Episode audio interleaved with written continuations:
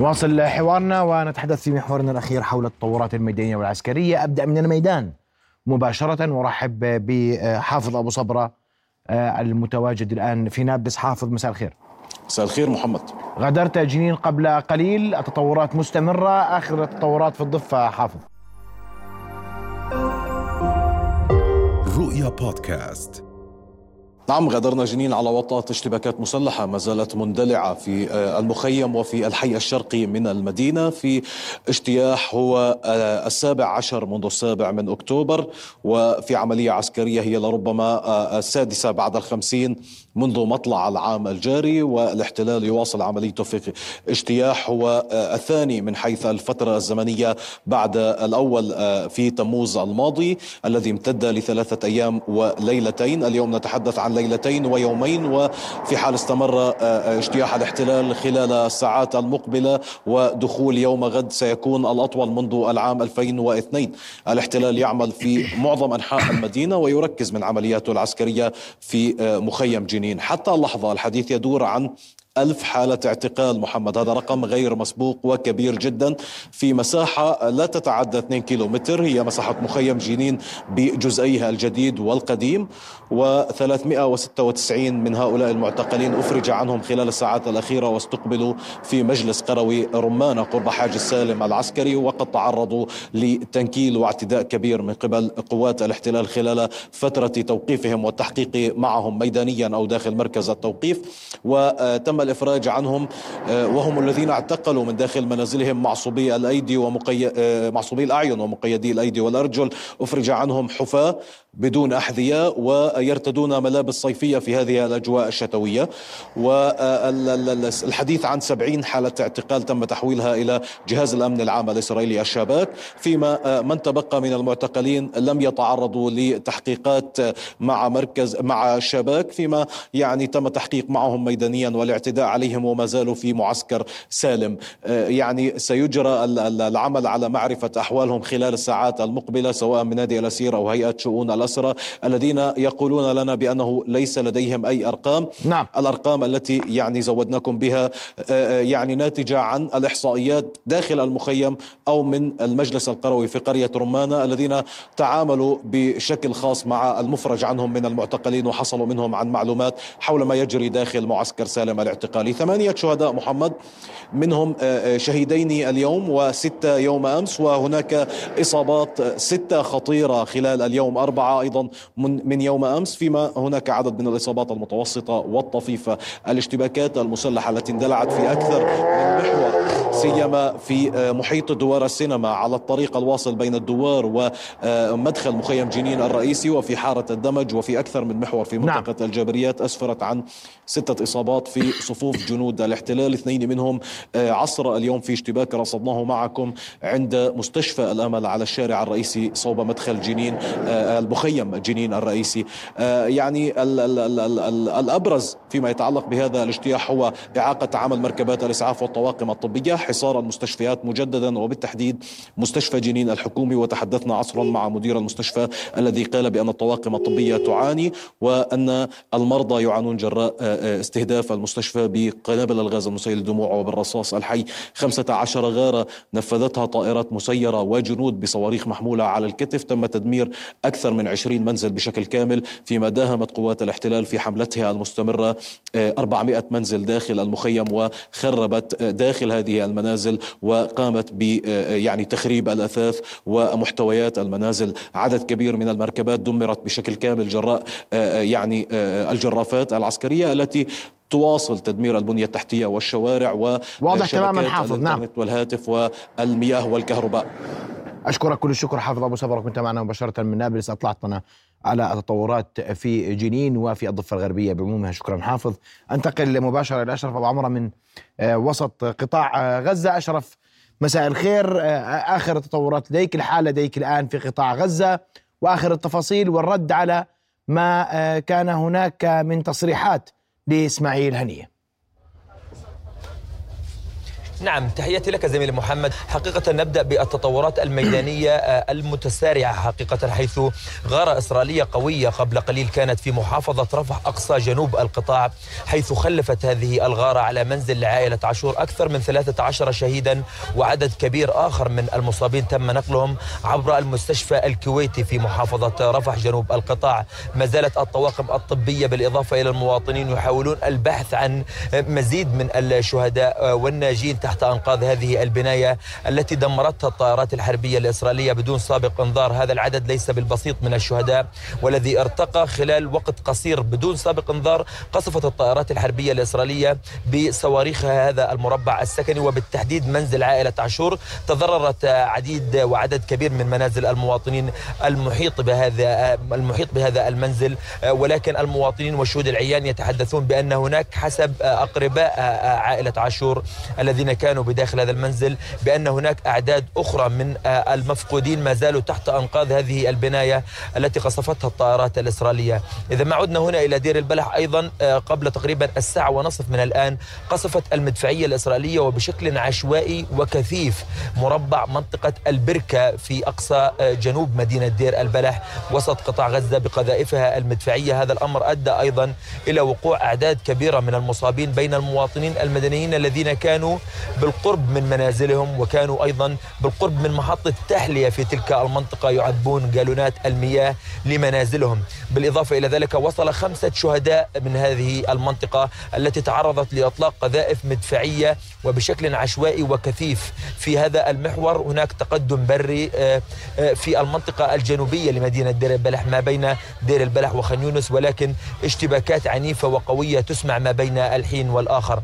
إذا ما عدنا لمنطقة التوغل البري الأعنف في هذه الأوقات والتي تحصل فيه اشتباكات واسعة وضارية حسب شهود العيان وبحسب أيضا بيانات الفصائل الفلسطينية تتحدث بأن منطقة شرق الشجاعية وشرق الزيتون بالإضافة إلى منطقة مخيم جباليا وأيضا شرق خان يونس جنوب قطاع غزة. هذه المناطق تشهد في هذه الأوقات اشتباكات ومواجهات وجها لوجه مع الجنود الإسرائيليين. قبل قليل صدرت كتائب القسام وعدد من فصائل المقاومة الفلسطينية بعض الفيديوهات لها وقالت بأن مقاتليها يخوضون اشتباكات وجها لوجه مع الجنود الإسرائيليين وتفجير العبوات بالإضافة إلى القذائف الموجهة باتجاه آليات الاحتلال الإسرائيلي في هذه المناطق التي تعد من المناطق المهمة في هذه الأوقات التي تحدث فيها اشتباكات. ولكن اللافت في النظر وبحسب ما أعلنت وسائل الإعلام الإسرائيلية نقلا عن المتحدث باسم الجيش الإسرائيلي بأن عشر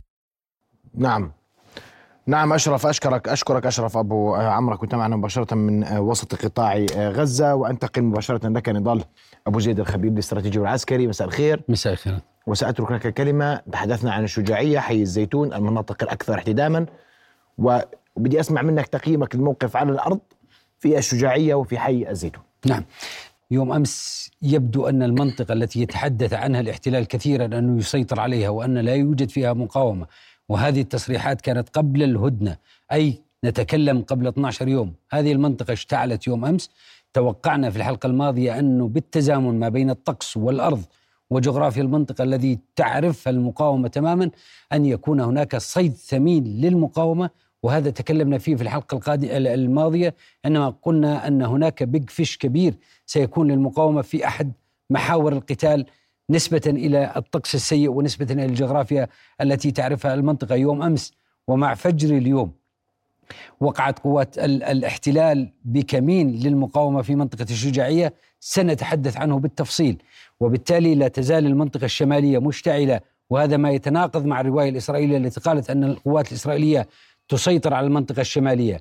القوات الإسرائيلية في مربع هذا المربع الضلع الأيمن له من يمتد من من مخيم جباليا باتجاه الحي الشجاعية والضلع الأيسر له يمتد من تقريبا بيت لاهية إلى حي الزيتون. اذا قوات الاحتلال في مربع يبدو أنه مستنقع. وقعت فيه قوات الاحتلال إذا شرحنا على الخريطه وأنا راح صار جملة من اللقطات التي بثتها المقاومة اذا, إذا ما ذهبنا مباشرة إلى الخارطة ويظهر أمامنا في هذه الخارطة أربع مناطق رئيسية. هذه المناطق جباليا حي الشجاعية بالإضافة إلى حي الزيتون. دعني أذهب إلى جباليا مباشرة. العمليات في جباليا لا تزال تتركز.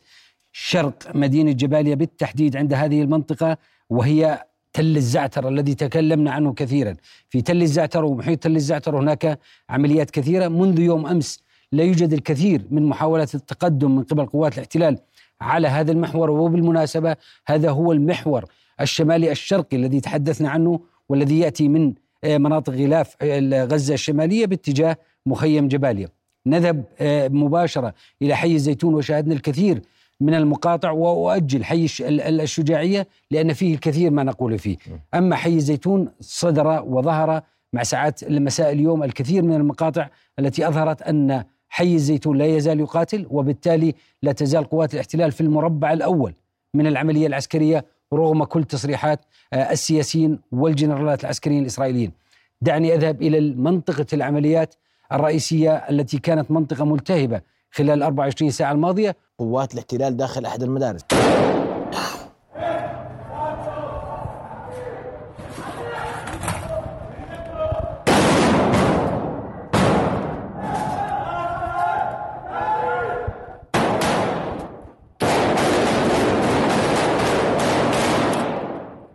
هذه إحدى المدارس في الشجاعية وصوت صراخ قوات الاحتلال بثته المقاومة قبل قليل وهو يظهر وأنا بدي أفهم منك اليوم ما الذي يحدث في الشجاعية نعم. لأن الجميع يقول يتساءل لماذا الشجاعية تختلف عن غيرها؟ ذكرت أنه من الممكن أن تكون قوات النخبة القسامية هي من تدافع عن الشجاعية. نحن أمام تساؤلين للشارع لماذا الشجاعية وماذا يعني لواء الجولاني. هذا هذا التساؤلين الذي يدل للشارع. لماذا الشجاعية؟ إذا ما أخذنا بعين الاعتبار أن الشجاعية أكثر المناطق كثافة في السكان في آه، مناطق شمال غزة هذا واحد. اثنين الشجاعية لها تاريخ طويل مع القوات الإسرائيلية والشجاعية تعتبر لعنة آه، الشجاعية حلت على القوات الإسرائيلية وبالتحديد على لواء الجولاني. الشجاعية قاتلت آه، اللواء الجولاني في 2008 في 2014 وفي 2018 وبالتالي لهم تاريخ طويل مع الشجاعية. وفي كل عمليات تقاتل فيها اللواء الجولاني فيها في الشجاعية يتعرض لخسائر كبيرة. بالمناسبة في الشجاعية الجندي الإسرائيلي في 2014 آه، شاول أرون أسر في الشجاعية. قادة الجيش الإسرائيلي يصرون على الوصول إلى الشجاعية لما يعرفون من آه، براعة كتيبة الشجاعية التي تقاتل في هذه المنطقة. وبالتالي هذه وتصريحاتهم اليوم أن الشجاعية لا يمكن القضاء عليها من الجو يجب النزول للميدان لأنهم لأن قوات المقاومة في الشجاعية يبدو أنها تمتلك مهارات عالية جدا للكمائن وللقتال في المناطق المبنية. ما حدث يوم أمس آه، هي وصمة عار على جبين اللواء الجولاني والذي يعتبر لواء النخبة بالنسبة للقوات الإسرائيلية. أجبتك على سؤالك لماذا الشجاعية؟ سأجيب على سؤال ماذا يعني اللواء الجولاني؟ الجولاني من ألوية النخبة للقوات الإسرائيلية. أغلب القادة السياسيين والعسكريين الإسرائيليين هم من هذا اللواء. أريال شارون خدم في هذا اللواء. أزينكوت خدم في هذا اللواء وهو الآن في مجلس الحرب. وجابي أشكناز الذي كان أحد رئيس رؤساء الأركان للجيش الإسرائيلي خدم في هذا اللواء. وبالتالي هذا يعتبر من ألوية النخبة التي يفتخر فيها القوات الإسرائيلية. هناك كتيبة تعتبر من الكتائب المميزة ومن كتائب النخبة لهذا اللواء وهي كتيبة آه، اليغور هذه الكتيبة التي صممت ودربت للقتال خلف خطوط العدو. وأنا أعتقد أن الخسائر التي وقعت فجر أمس فجر اليوم في القوات الإسرائيلية كانت من هذه الكتيبة. ما الذي حصل في الشجاعية مع فجر اليوم؟ العملية حصلت في شمال الشجاعية في منطقة تعرف بالرقبة. هذه المنطقة دخلت فيها قوة إسرائيلية مكونة من فريق قتال. المقدم الذي قتل وقال وقالوا أنه آه، قائد فرقة الجولاني هو ليس قائد فرقة هو قائد فريق قتال من ضمن الفرق التي تقاتل داخل أو متحشدة داخل الشجاعية. دخل إلى منطقة الشجاعية تعرض إلى وابل من آه، نيران المقاومة مع ساعات الفجر ثم قتل عدد من جنوده حاول الاختباء في عدد المباني دمر هذا المبنى كانت خسائر قوات الاحتلال قائد لفريق القتال من اللواء الجولاني برتبة مقدم قادة سرايا اثنين وسبعة من جنود اللواء الجولاني. نتكلم عن عملية نوعية وكمين للمقاومة. راح ضحيته عشرة من نخبة الجيش الإسرائيلي. وبالتالي في ظل هذه العمليات التي تجري بالشجاعية والخسائر الكبيرة التي تعرض لها قوات الاحتلال يبدو أن آه، اللواء الجولاني لا يستطيع الخروج من لعنة الشجاعية التي تحل عليه مع كل عمليات تحدث في مناطق آه، إلى أين تتجه الأمور في في شمال القطاع وفي وسط القطاع وفي جنوبه اليوم؟ في شمال القطاع. نحن الآن أمام حالات جو بدأت تذهب باتجاه ال- الضباب. حالات جو يبدو أن الجو سيكون سيء مع ساعات القادمة. أعتقد أن المقاومة ستستغل هذه الفرصة. إذا ما ربطنا بين البعد السياسي والبعد العسكري الذي يجري الحديث ويبدو أن إسرائيل بدأت تستجدي الذهاب باتجاه هدنة لكن لا تريد الظهور بمظهر المنهزم. لذلك يبدو أنها تدفع باتجاه حراك. أيضا في البعد السياسي هناك تآكل للإجماع الدولي الذي يدعم العملية العسكرية وبالتالي يبدو أن الشرعية للعملية العسكرية بدأت تتآكل. في البعد, الآخر ال- المظهر أو أو صورة الردع الإسرائيلي صورة الردع الإسرائيلي في المنطقة ككل يبدو أنها بدأت تتلاشى وتهشمت هذه الصورة. آه، حزب الله شمالا يستنزف القوات الإسرائيلية. الحوثيين في أقصى الجنوب يستنزفون القوات الإسرائيلية ويمنعون القطع البحرية من الوصول إلى موانئ الأراضي المحتلة من من من من فلسطين. أيضا ال ال آه، هذا الجيب الذي يشكل 1% من أراضي المحتلة يدمي القوات الإسرائيلية في ظل هذه الصورة ال- السياسية.